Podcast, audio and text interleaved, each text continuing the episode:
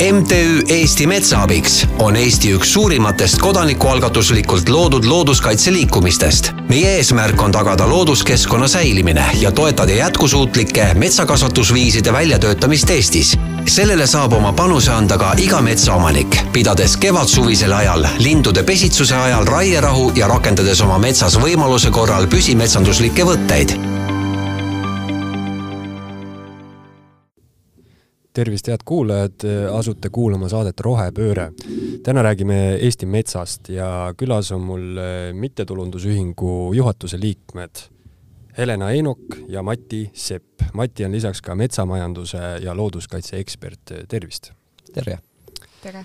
Eh, mis Eesti metsas praegu toimub?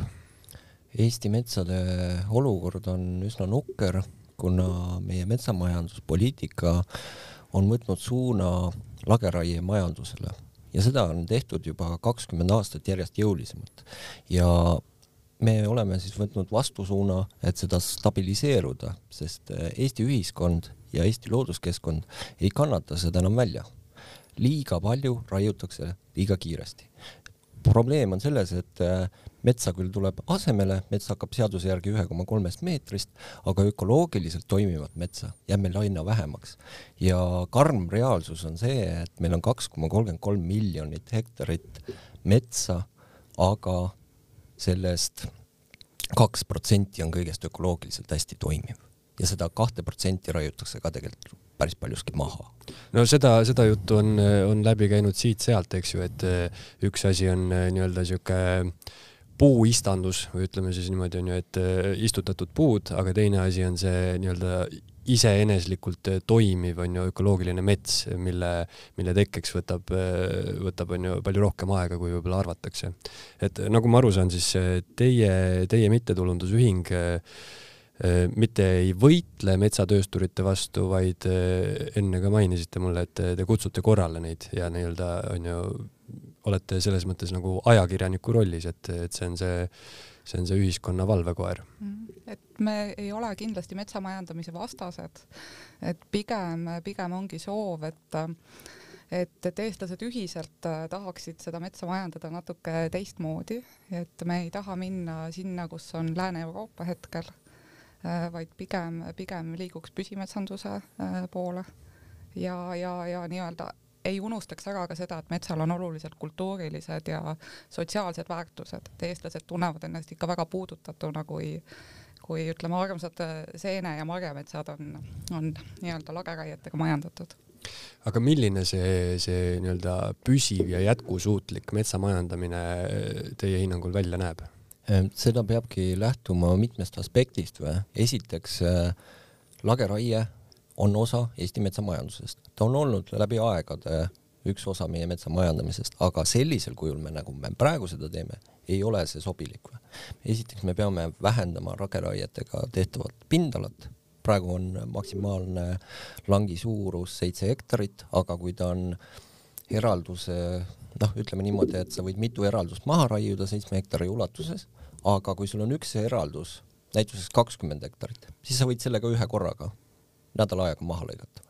ja niisugune süsteem ei ole jätkusuutlik sest kui sa istutad sinna langile tagasi viiekümne sentimeetrised puud, siis sa võid uuesti, okaspuude puhul räägime sellest, siis sa võid uuesti seitse hektarit maha võtta. ja niimoodi see nagu läheb nagu rändrohutirtsu parv, aga vaja ongi ikka vaadata seda, et näituseks avaliku huviga alade läheduses on püsimetsandus ehk valikraiega tehtav metsamajandamine ülimalt tähtis. et mets, see vana mets, millega inimesed on harjunud elama ja kus see kõige liigirikkam ökosüsteem paikneb, et see ei kao kordagi ära. see ongi, pärandatakse põlvest põlve edasi ja see ongi see püsimetsandus, mida tuleks praktiseerida, aga ma pean ütlema, et äh, RMK vist tegi eelmine aasta ainult viis hektarit seda aga vastukaaluks tegi ta üle kümne tuhande hektari lageraiet. et äh, need äh, parlanksid on täiesti paigast ära ja RMK käes valduses on kõige strateegilisemalt ühiskonna jaoks kõige tähtsamad metsad ehk valdavalt need männikud, kus on need mustikad, pohlad, vot see on see, kuhu rahvas koondub ja kui sa seal ikka paned ikka täiesti hullu nende lageraietega, siis ongi Eesti rahvas tagajalgadel ja paratamatult see mõjutab ka looduskeskkonda.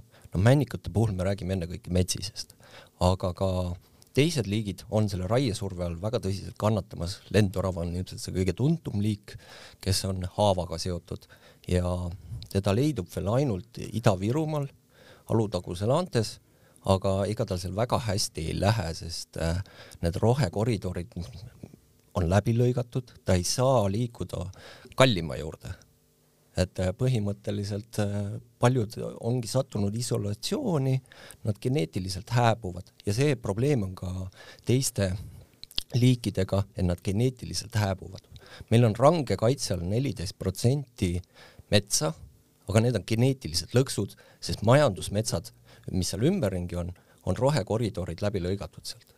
ja niimoodi ei saagi kaitsealused liikid omavahel nagu geneetiliselt kokku ja lõpuks nad hääbuvad. et selles mõttes metsa peab ka rangelt kaitsma, aga ka majandusmetsas peavad olema toimivad süsteemid ja see, kuidas majandusmetsas metsa majandatakse, saab otseselt suunata seadusandlusega.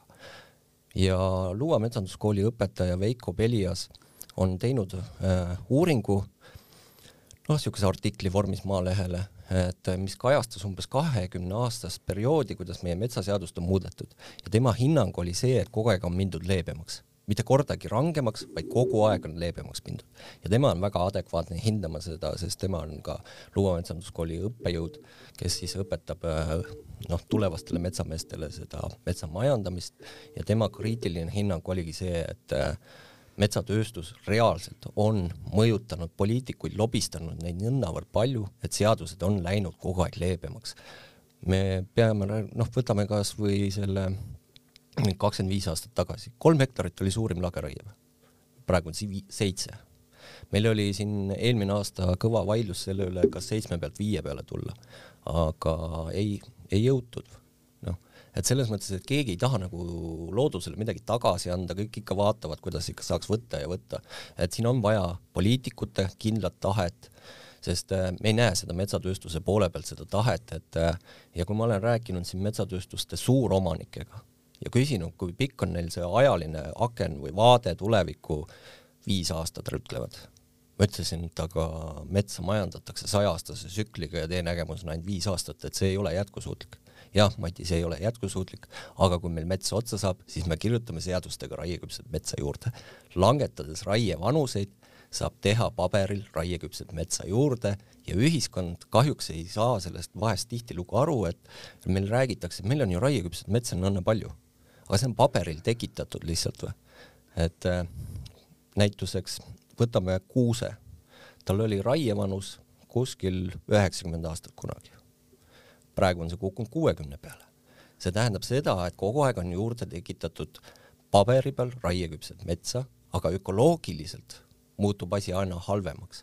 vot need on need probleemid, millest äh, metsatööstus ei taha kõneleda, kuigi tegelikult peaks, sest äh, mida nooremat metsa sa raiud, seda rohkem tuleb sealt küttepuud, paberipuud ja seda vähemaks jääb seda kõrge kvaliteediga materjali.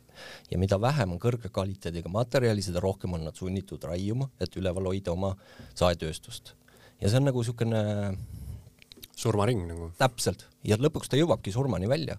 ja ise metsamehena mul on hirm lausa metsatööstuse tuleviku ees, et äh, miks ma looduskaitsesse läksin, ongi see, et äh, tegelikult kaudselt ka aidata metsatööstusel jätkusuutlikult edasi toimida, sest äh, praegune süsteem ei põhine jätkusuutlikkusel, vaid äh, igaüks praegu meeleheitlikult, see on see kisklussurve või, iga metsatööstus vaatab, kus saaks selle viimase kätte või. ja need metsamehed, äh, näiteks ma ei tea, oli just ähm, üleeile ühega juttu, ütles, et tema ütles oma firma juhtidele, et kuulge mehed, rohkem ei ole kuskilt võtta või. vend saadi pensionile anti talle ka auto kaasa ja pandi järgmine pukki, kes oskab kuskilt midagi võtta või mm. -hmm. no ma saan praegu sinu jutust äh, aru, et, et metsa jätkusuutlikult majandada ei saa, on ju puhtalt paberil, et, et me võime küll, on ju, vaadata igasuguseid äh, tihumeetrite arve, äh, vaadata pindalasid, asju, kus meil on metsa, on ju, ja noh, teame, et Eestis on nagu metsa, aga, aga et kui me siis reaalselt astume metsa kohale, et siis see, siis see pilt ei ole päris see, on ju, mis ta on paberil. aga sa mainisid, et, et selline muutus võiks tulla on ju poliitikutest, et kes, kes peaks nagu Eesti metsa majandama või noh, seda, mis on meie kõigi ühiskasutuses, riigimetsa. et seal on kindlasti oma töö poliitikutel on ju, aga kuidas siis saada sellised looduskaitseeksperdid või kuidas nemad saada nii-öelda sinna kaevu juurde, et, et, et nemad saaksid ka otsuseid teha kõik algab põhimõtteliselt poliitilisest tahtest ehk erakondadest. ja erakonnad, kes siis saavad koalitsiooni, otsustavad, kes saab ministriks, keskkonnaministriks. ja, ja sealt läheb siis see üks isik keskkonnaministriks ja kui temal oleks ökoloogiline taust, metsamehe taust, et tal oleks see silmaring mõlemas valdkonnas olemas, siis me, me teeksime revolutsiooni siiamaani kahekümne aasta jooksul ei ole niisugust ministrit meil olnud. metsamees eh, keskkonnaministriks siis võiks olla niisugune loosung äh, ma ütleks ökoloog, ökoloog. ja metsandustaustaga, et ta mm -hmm. peab teadma ka metsandust, et selles mõttes, et tal peab olema mõlema valdkonnas väga head teadmised ja või vähemalt nõunikud aga mis meil praegu toimub, ongi see, et meil on paratamatult seal, kuidas ütelda, metsatööstuse inimesed. Nad teavad metsatööstusest väga palju, kuidas seda müüa, kuidas seda lõigata, seda metsa, kuidas teha seadusi niimoodi, et saaks rohkem lõigata, aga ökoloogiline taust on väga puudulik. Ja ökolooge noh, nii viisakuse mõttes ikkagi lubatakse vahest laua taha, et aga ettepanekuid ei võeta arvesse. et selles mõttes, et linnukene saab kirja aga nende töö, mis nad sinna panustavad, põhimõtteliselt ei anna tulemusi, sest äh, puudub poliitiline tahe. et äh, riik on võtnud millegipärast seisukoha, et me täidame sealt natukene nagu seda riigikassat või, aga see on lühiajaline täitmine või, et äh, rasked ajad on tegelikult ees. Ja ma näen, kuidas see kliima soojenemine noh, millesse osad usuvad ja millesse osad mitte, mina näituseks usun ja ma vaatan seda putukate pealt et äh, putukate arvukus, kahjurputukate arvukus Euroopas tervikuna kahekümne aasta jooksul on tõusnud kuussada korda. ja see tuleneb sellest, et talved on läinud pehmemaks. ja need üksikud talved nagu see aasta, noh, pakuvad leevendust aga reaalsus on see, et asi läheb halvemaks ja mida nooremad on meie metsad, seda lihtsam on haigustel neid vallutada ja seda suuremaks muutub ka see osakaal paberi ja kütte puhul, et mida rohkem on kahjustatud metsa. et äh, SMI andmetel on see kahe koma kolmekümne kolmest miljonist kahjustatud umbes kuussada tuhat, mis on nagu minimaalne teadlaste arvamus. see on meeletu kogus ja valdavalt on selles süüdi paratamatult valesti majandatud mets. et metsamehed teevad, kasutavad tehnikat, mis Eesti metsadesse ei sobi, need võimsad harvesterid on väga tööefektiivsed, aga nad ei ole mõeldud Eesti pinnasel töötamisele no selline klassikaline metsamees või, või langetaja, see on üldse selline üsna väljasurnud nähtus, et, et keegi ei saada metsa enam sellist paarimeestega töötavat kahepealist meeskonda, kes on ju päeva jooksul võib-olla võtab seal noh, võtab mõned puud maha, aga kui arvestada tuleb, siis see päeva jooksul ikkagi ta võtab on ju natuke rohkem kui mõned. aga see on hea point, et inimesed kindlasti on ju kuulnud seda, seda juttu, et Eestis raiutakse liiga palju ja teiselt poolt kuulnud on ju Äh, tööstusjuttu vastu, et kui palju töökohti pakub Eesti mets ja, ja kui palju noh, ikkagi majanduslikult kasulik on meie see loodusvara, mis meil siin on, on ju. et, et seda vaidlust kindlasti on igaüks kuulnud, aga kui siis nagu sa ütlesid, et kui lõpuks ta läheb sinna mustikametsa, kus ta on võib-olla aastaid-aastaid käinud ja nüüd näeb, et seal enam puid ei ole, siis nagu jõuab on ju kohale see, et, et mis toimub. aga kui me räägime jah, nendest, kes metsas reaalselt elavad, ehk siis on ju loomad-linnud siis äh, lugesin ka teie artiklit äh, äh, lindude pesitsuse ajal raie tegemisest, et kas vastab tõele, et nagu eelmisel aastal võeti vastu mingisugune seadus selle vastu, aga see nagu ei toimi? seadust ei võetud vastu, selles see probleem ongi või, et tekkis siuke, kuidas ütelda, Tõnis Möldri ajal poliitiline tahe teha looduskaitseseaduses muudatus ja täpsustada siis äh, ajaperioodi, mis ajast, mis ajani siis linnurahu peab pidama. aga kuna meil poliitilised tuuled kõiguvad siia-sinna, äh, üks probleem teise otsa, keegi lahkub, keegi tuleb uus asemele ja peab ütlema, et nüüd enam poliitilist tahet looduskaitseseadust muuta selliselt, et linnud oleks metsas reaalselt ka kaitstud, enam ei ole. et see on paratamatu fakt. keskkonnaamet samas peab lähtuma hetkel seadusest, looduskaitseseaduses kirjas olevast, mis on, seal on täpselt kirjas, et tahtlik tapmine on keelatud. siiamaani oma viisteist aastat käis vaidlus selle üle asi, kas tahtlik tapmine, kas lindude tapmine harvesteriga on tahtlik või mitte viisteist aastat vaieldi. siis tuli riigi, Euroopa Liidu kohtuotsus, et tahtliku tapmise alla läheb ka arvesteriga, noh, põhimõtteliselt metsatööd. ja see muutis eelmine aasta mängureegleid ja sellest tulenevalt Keskkonnaamet muutis oma seisukohta, siiamaani nad ei teinud midagi, aga siis seadus sai täpsema tõlgenduse, hakkas Keskkonnaamet siis reageerima inimeste kaebuste peale ja kui ma nüüd peast ei eksi, siis umbes nelikümmend kuus raiet pandi seisma. noh, see on tegelikult hästi väike killuke, ülejäänud tehti tegelikult kõik ära, aga kes seda olukorda jälgis, siis metsatööstuse poolt oli siuke kisa, et noh, üldse enam arvestar metsa ei saanud.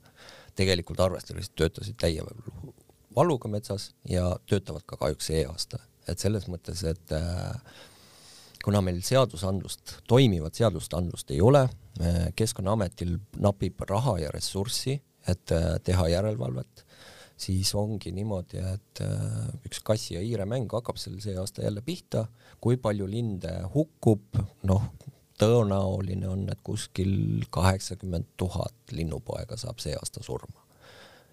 et see on päris rets arv ju. Äh, Helena, mis me teha saame?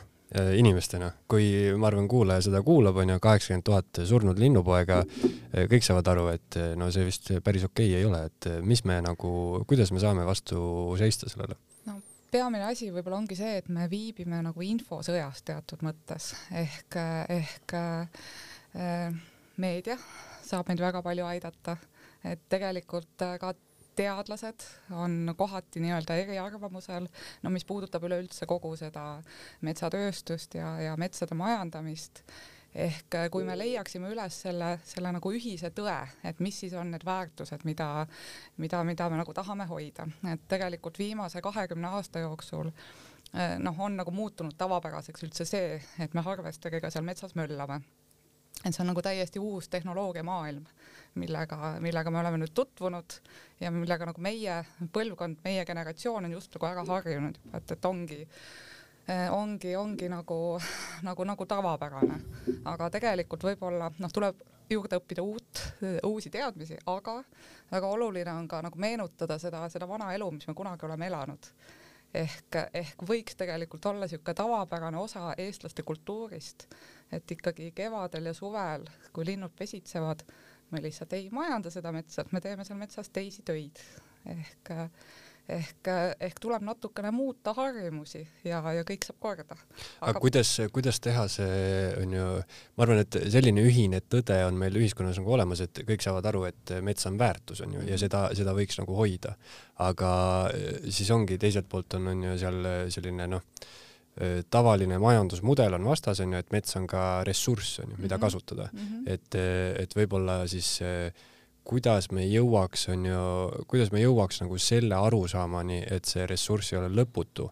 et ma arvan, et jah, iga inimene, kes käib metsas ja kuuleb, on ju, seda, seda, seda asja ja, ja näeb, ma ei tea, surnud linnupoegi, saab sellest aru, on ju, aga mm -hmm. kuidagi ühiskonnana me ikka, me ikka on nagu see majandusmudel on nagu selle, selle järgi sätitud, et mets on ressurss just, et tulebki meeles hoida seda, et et tegelikult äh, metsal ongi eestlaste jaoks oluline kultuuriline väärtus ja kui me, kui me nüüd vastandume seda kultuuri, see, neid sotsiaalseid väärtusi ehk inimesed tahavad käia seenel, marjul ja siis metsamajandamist. kui vaadata seda niisugust meediafooni, mis on olnud viimase kümne-viieteist aasta jooksul, siis see kultuuriline ja sotsiaalne pool on nagu täiesti puudu, noh, peaaegu täiesti puudu olnud, et see on eestlaste kodudes, kui me käime külas, on ju, meile pakutakse, ma ei tea, marineeritud seeni ja siis on ju, meil tuleb meelde, me räägime sellest, me nagu tuletame meelde, et lapsena on metsas käidud, seenel käidud ja nii edasi, aga tegelikult avalikust ruumist minu, minu isiklikul hinnangul on ikka väga-väga palju seda kultuurilist, sotsiaalset sotsiaalset poolt ongi puudu jäänud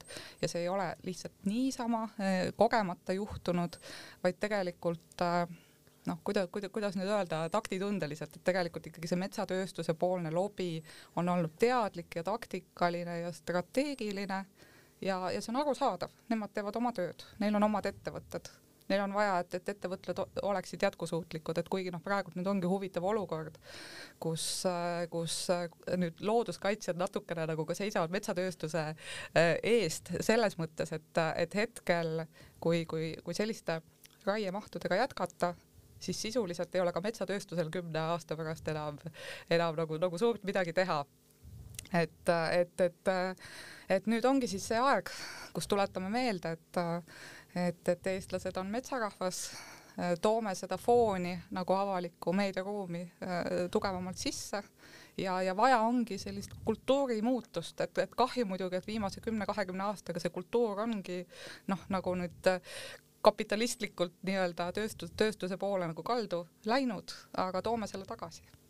Jah, kui rääkida avalikust ruumist, siis mulle tundub, et seda just seda sotsiaalset väärtust ja seda äh, seda vist eh, noh, vähemalt viimastel aastatel eh, promovad põhiliselt eh, Valdur Mikita raamatud mm, -hmm. mis räägivad selle metsa just sellest nagu sotsiaalsest poolest, et kui, kui palju see inimestena meid mõjutab ja, ja kui oluline see on, et meil oleks kasvõi mingisugune metsatukk on ju, kus käia, sest äh, sest nii palju, kui, kui siin käivad ka Lääne-Euroopast turistid ja, ja siis noh, kõik on kindlasti kuulnud neid lugusid, et, et inimesed lihtsalt lähevad, vaatavad metsa ja imestavad, et mis, mis teil siin toimub, et teil on nagu võsad, sood, metsad, et, et see on päris mitmelt poolt on nagu kadunud. aga rääkides nüüd metsatöösturitest ja, ja siis looduskaitsest, et võib-olla selline üleüldine filosoofiline küsimus, et kas need kaks nagu äärmust või, või kaks sellist poolust on ju, kas need üldse saavad koos eksisteerida? ma peaks ütlema, et ma olen kolmanda põlvkonna metsamees. minu isa oli looduskaitsja ja metsamees. minu vanaisa oli looduskaitsja ja metsamees. mina tunnen ennast looduskaitsja ja metsamehena. aga ümberringi teisi metsamehi vaadates ma näen, et minu põlvkonnas on kadunud see, et metsamees ja äh, on looduskaitsja. et see on kuidagi, kuidagi nüüd siin viimase vabaduse lipu all kuidagi kuhugile ära kadunud nagu. Need asjad käivad, peavad käima omavahel koos, sest ainuüksi see, kui sa ei oska loodust kaitsta, siis sa kahjustad oma majanduslikku metsaväärtust. kevadsuvised äh, linnurahu ajal raied on tohutu majandusliku kahjuga maaomanikele, aga maaomanikud seda kahjuks ei tea. ja nad teevadki neid raieid tihtilugu siis äh, metsatööstuse survel ja, ja metsatööstus saab oma toorme kätte, aga kahjud, mis kaasnevad maaomanikele, mulla kahjustamised, kahjurid, mis seal kõik hakkavad suvel vohama, see on ideaalne keskkond erinevatele kahjustavatele liikidele, kes armastavad seda alles jäänud metsa süüa. vot need kahjud jäävad maaomanikule ja kui maaomanik seda ei tea ja ta läheb viieteist aasta pärast metsa ja vaatab, et kõik puud surevad, aga talle, talle, ma olen väga-väga paljude maaomanikega suhelnud ja nemad ütlevad, nad ei saa aru, millest see probleem hakkas.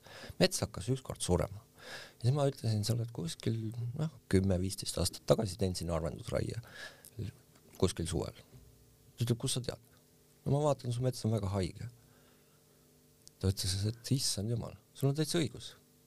aga erametsakonsultandid, kes tal on käinud, pole keegi seda kordagi kunagi talle ütelnud, vaid ütlevad, et tuleb raiuda ja raiuda ka see kuusekorra üraski ohjamine meil, raied on viimane abinõu. Need on väga erandlikel juhtudel peavad tehe, tegema, sest kuusekoore ürask vajab eluks seda, et puutüvele paistaks valgus. Sanitaarraiega ja harvendusraietega me tekitame valgusi. lageraietega me tekitame tormimurdusi, me aina toodame uusi keskkondasid, kus see putukas saab elada jube hästi, tal on jube hea ja lisaks veel see, et kasulikud putukad, kes teda söövad, looduses on alati ka konkurents igale asjale, iga asi peab olema tasakaalus, on alati umbes kaks aastat noh, kuusekoore üraski levikust maas. noh, nemad äh, hoiavad nagu kuusekoore üraskit ohjes, aga majandusmetsas neil ei tule see toi-, nad ei saa hakkama sellega, sest mida teeb metsaomanik, ta raiub kõik kuivanud kuused välja, aga kuivanud kuuskede koore alt talvitavad just need kõige kasulikumad putukad. Ja kui sa võtad neilt elupaiga ära, siis ei, ja kuusekoore ürask talvitub maa sees, siis sa lihtsalt soodustadki oma metsas. Ja siis paned veel naabrimetsa ka ohtu veel ja niimoodi see asi läheb RMK on juba kahe tuhande kaheksateistkümnendast aastast massiliste raietega tegelenud kuusekorralduste ohjamisega, tulemus on sisuliselt null. ainult hullemaks läheb asi, järjest enam. ma ei saa ütelda, et see on nüüd neil strateegiline või, pigem on see lihtsalt teadmatus ka osaliselt või, et äh, meil on väga palju puudujääke metsatööstuse koha pealt metsa kasvatamise valdkonnas. Nad kõik ütlevad, et meil on sada aastat metsateadmist aga kui sa lähed nendega metsa ja hakkad seal väitlema nendega, kõnelema, kuidas ikka metsas juurepess levib ja kuidas kuusekorra juures ka levib, ja siis nad hakkavad su peale niisugust viltu vaatama, mõni ütleb mõne väga halva sõna ka veel ja et Mati, mida sina ikka tead, sina ei ole mingi metsamees ja aga ma lähtun teaduspõhisest metsa kasvatamisest ja see ärritab neid, sest nad ei oska sellel teemadel kaasa rääkida. Nad oskavad väga hästi rääkida et see harvester on päevas võimeline lõikama sada tihu, see harvester kakssada tihu, vaat seda valdkonda nad teavad nagu ülihästi ja mina seal ütlen niimoodi, et ma tõesti ei oska teiega kaasa kõneleda, sest ma ei ole kunagi harvesteri juht olnud ega aga, aga noh, ütleme niimoodi, et et me vajame, kui me tahame jätkusuutlikku metsandust ka järeltulevastele põlvedele, onju, siis me peame muutma ka seda, kuidas me koolides metsandust õpetame, alustades Luua metsanduskoolist ja lõpetades Eesti Maaülikooliga. et äh, mida ütlevad äh, teie mittetulundusühinguna, äh, teete on ju päris suurt nagu teavitustööd ja, ja kindlasti ka saate inimestelt tagasisidet või, või suhtlete kasvõi metsaomanikega või, või lihtsalt inimestega, kes, kes nagu käivad metsas onju, et mida nagu äh, ütleme siis äh, vastupidiselt äh, selline tavaline Eesti inimene ütleb või, või inimene, kellel on natuke erametsa kuskil, äh, vastupidiselt siis sellele, kes on nagu metsatööstuse eesotsas. kas Inim... nagu, kas eestlased tajuvad seda probleemina? tihtilugu jõuab see probleem nende juurde siis, kui näiteks naaberkinnistul hakatakse raiuma. et aga Mati, nüüd torm murrab mul metsa maha, mis ma teha saan? Siis ma selgitan, mis on tema võimalused, et sa pead selle metsafirmaga ühendust võtma. meil on see probleem, et seadus sind ei kaitse, sellel naabril ongi õigus oma mets maha võtta ja tekitada sinule tohutut majanduslikku kahju, et äh, sul ei ole otseselt nagu seadusandluslikku kaitset, et seal ongi see diplomaatia, et järsku sul õnnestub mingi puhversoon sinna jätta või, et seadusandlus on jätnud maaomanikud, kes äh, noh, ütleme niimoodi, toetavad siis nagu seda ökoloogilist metsa nagu üsna kaitsetav et äh, see ja see on väga suur probleem. ja teine et asi. eestlane saab ikka siis, äh, siis hädast aru, kui see tema oma õuele jõuab, onju enamasti küll mm, -hmm. et äh, tihtilugu ongi need inimesed, kes äh, meie poole pöörduvad, ongi mingi murega, et arvestan ongi nüüd ukse taga ja siis on niimoodi, et et mis ma nüüd teen, et äh, aga on muidugi ka teisi inimesi, kes ongi niimoodi, et tulevadki appi, et mida ma teha saan ennem kui see harvester jõuab, neid on ka tekkima hakanud või. aga kõigepealt tuli see valus hoop just nendele inimestele, kellele tuligi turismitalud, kohalikud suured külad ja olgem ausad, üldplaneering peaks kaitsma neid kohalikke elanikke aga see, kuidas RMK üldplaneeringu käiku mõjutab, ja keelab vahest isegi seadusandlusest kõneleda poliitikutel ja kui ka Eesti Metsa Abiks osaleb, on täiesti uskumatu. Need koosolekud, mis toimuvad, kui inimesed näeks, mida RMK kõneleb, kuidas ta käitub, no see oleks šokk tõenäoliselt kogu Eesti ühiskonnale, et kuidas RMK töötajad mõjutavad poliitikuid niimoodi, et nad ei kirjutaks üldplaneeringusse kitsendusi sisse, mis peaksid kaitsma seda kohalikku kogukonda. Aga miks see niimoodi on, sest eh, ju eh, poliitikud on eestlased, kindlasti paljud neist metsaomanikud, on ka kindlasti RMK-s inimesed, kes töötavad Ehm, ma ei usu, et seal on, on ju, kõik on hullud ja, ja, ja pahatahtlikud metsatöösturid, et, et millest see probleem tuleb, kas see on niisugune paratamatu eh, majanduskäitumise nagu mõju? RMK probleem hakkab ladvikust. Ladvik on oma ustavuse andnud metsatööstusele, äh, sõlmitud on meeletus koguses salajasi lepinguid, millele isegi Riigikogu liikmed ligi ei pääse. RMK on riigiasutus aga mis seal sees toimub, ei tea isegi Riigikogu liikmed, see on täiesti uskumatu. et äh, ajakirjandus nüüd igalt poolt üritab ligi pääseda. näituseks RMK ise ütleb, ma tahan neli miljonit tihumeetrit raiuda Eestist. ja siis ta saadab Keskkonnaagentuuri need andmed, et ta tahab neli miljonit tihumeetrit raiuda, seal on oma inimene Keskkonnaagentuuris, kes võtab need andmed vastu, vaatab üle ja aga selle Keskkonnaamet agentuuri töötajal on vaja teada, milliste arvutuskäikudega RMK selle neli miljonit tihumeetrit noh, tegi. aga need andmed, et ajakirjandus neile ligi ei pääseks, saadetakse erameilina. siis ta ei pea panema, see Keskkonnaagentuuri töötaja, neid ametlikku infobaasi. See on hästi oskuslikult ja hästi lihtne süsteem ja lõpuks sealt jõuab keskkonnaministri lauale, RMK tahab neli miljonit tihumeetrit raiuda, minister kirjutab allkirja alla Tõnis Mölder oli esimene minister üle väga-väga pika aja, kes ütles, et kuulge mehel, nii asjad ikka ei käi või. ja tõmbas natukene allapoole. et see jutt, et, et riik otsustab, kui palju näiteks, et keskkonnaminister otsustab, kui palju RMK raiub. Ta lihtsalt kirjutab oma allkirja alla, ega tema tegelikult ei ostuta midagi. RMK on ise, ütleme, ma tahan raiuda neli või kolm või kaks, siiamaani on ta tahtnud neli kogu aeg raiuda ja kuidas need äh, arvutused käivad, ei tea ajakirjanikud, ei tea Riigikogu, ei tea mitte keegi veel. see on väga väike kitsas ringkond, kes teab, kuidas need asjad käivad. Isegi keskkonnaminister ei tea, kas need arvutused on õiged või mitte. et selles mõttes, et äh, neid probleeme on väga-väga palju ja minul isiklikult on väga kahju ka nendest RMK töötajatest, kes peavad siis nende kogukondadega käima. Äh, ühelt poolt on neil siis noh, RMK töötajatel on see oma juhtkond, ülemused, kõrged ülemused, kes siis noh, ütlevad, et kui sa hakkama ei saa, siis vahetame su välja. Teiselt poolt on kogukonnad, kes ütlevad, me tahame seda püsimetsandust, et meil looduskeskkond säiliks, siis nad on seal kahvlis. kumba poolt nad rohkem kardavad? loomulikult oma ülemusi, siis ne, nemad on palgamaksjad. Ja siis nad sõidavadki nendest vaestest kohalikest kodukogukondadest üle ja, ja niimoodi see lumepall kasvab. Kui me vaatame nüüd äh, tulevikku, siis äh, päris äh, mustad toonid tunduvad, et kuhu, kuhu nii-öelda, kuhu me jõuame sellise, sellise majandamisega või, või kui, kui kaugel eh, nagu aastaliselt on, on selline, ma ei tea, Eesti metsa lõpp? noh, lõppu ma ütleks, et nagu otseselt täielikku niisugust olukorda, et nüüd, et autoga sõidad ja siis on ainult kännuväli või, no seda ei tule või. aga hästi palju liike sureb välja Äh, väga paljud inimesed saavad psühholoogiliselt kannatada. Äh, väga palju saab kannatada turismisektor. Äh, näituseks marja korjamine oleks pea viiskümmend korda rohkem tulu toovam, kui on metsa raiumine noh, mustikas on meeletu kalli hinnaga, sellega teeniks kordades rohkem kui metsa majandamisega. seda tööstusharu ei ole võimalik välja ehitada.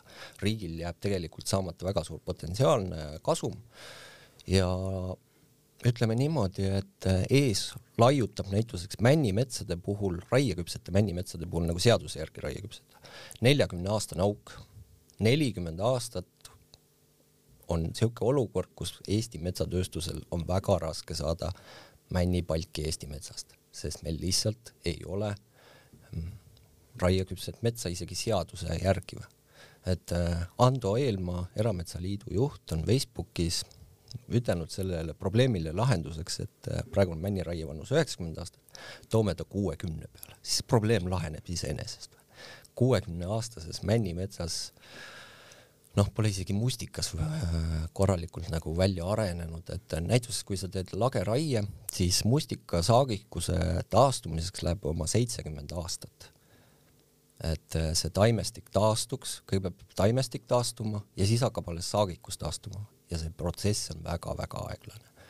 ja ühtlasi on meil probleem ka selles, et meil on metsaseaduses raievanuse järgi raiumine ja siis on ka välja mõeldud küpsusdiameetri järgi raiumine. see tähendab seda, et äh, viljakal pinnasel kasvavad puud kiiremini, nende läbimõõt muutub suuremaks ja diameetri alusel siis raiutakse metsa küpsusdiameetriga näituseks saab raiuda viljakamal pinnasel, no niisugusel liivasel viljakamal pinnasel männikut kuskil isegi seitsmekümne viie aastaselt lageraiega, kuusikut neljakümne aastaselt.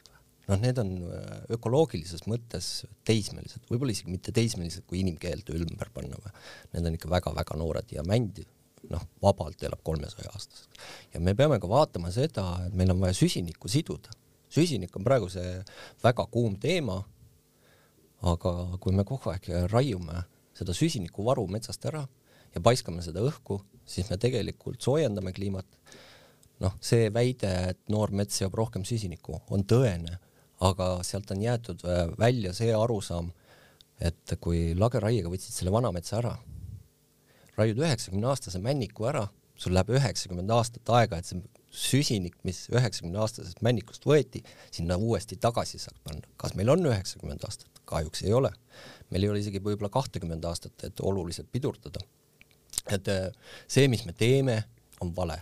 me ole, teeme põhimõtteliselt äh, rohepesu või kõige õigem oleks ütelda, et osad teadlased on oma õla alla pannud metsatööstusele, et teha siis seda süsiniku rohepesu. kõige õigem oleks süsinikku siduda mulda ja mulda hakkab süsiniku sidumine kuskil männikus niisuguses saja-aastases metsas noh, ütleme niimoodi, et, et mida ökoloogilisemalt vanemaks saab, seda suuremaks läheb mullas oleva süsiniku varu ja muld on meeletu süsiniku siduja, aga majanduslikult see ei ole kasulik, seega sellest keegi ei taha kõnelda ka no päris äh, pikad protsessid ja päris äh, hallid toonid on, on selle, selle teemaga seotud ja, ja kindlasti äh, on ju, tasub mõelda neile ja, ja nii-öelda oma silmad lahti teha. aga võib-olla lõpetuseks siis kutsuks inimesi kuidagi reaalselt osalemas, osalema selles diskussioonis, et ma saan aru, et on toimumas mingisugune üritus. Jah, meil on tulemas meeleavaldus mets on Eesti rahva vabadus.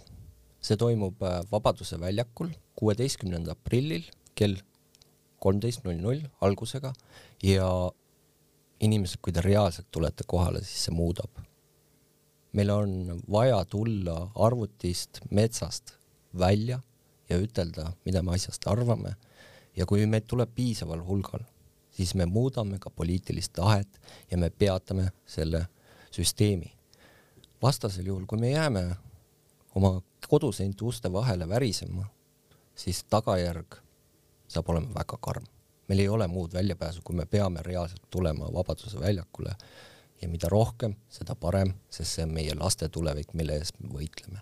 et ma väga loodan, et inimesed panevad endale kuusteist aprill kalendrisse kirja kell kolmteist null null ja tulevad ja annavad oma panuse, sest enam vaikida ei tohi head kuulajad, jätke siis see, see kuupäev ja see kellaaeg meelde ja, ja minge näidake ja näidake enda arvamust ja, ja mis te asjast arvate. igatahes eh, Helena ja Mati, aitäh, et tulite ja tumedates toonides see saade on, aga igatahes teadlikkust see kindlasti tõstab. nii et eh, minge meeleavaldusele ja aitäh teile veel kord. aitäh. MTÜ Eesti Metsaabiks on Eesti üks suurimatest kodanikualgatuslikult loodud looduskaitseliikumistest. meie eesmärk on tagada looduskeskkonna säilimine ja toetada jätkusuutlike metsakasvatusviiside väljatöötamist Eestis. sellele saab oma panuse anda ka iga metsaomanik, pidades kevadsuvisel ajal, lindude pesitsuse ajal raierahu ja rakendades oma metsas võimaluse korral püsimetsanduslikke võtteid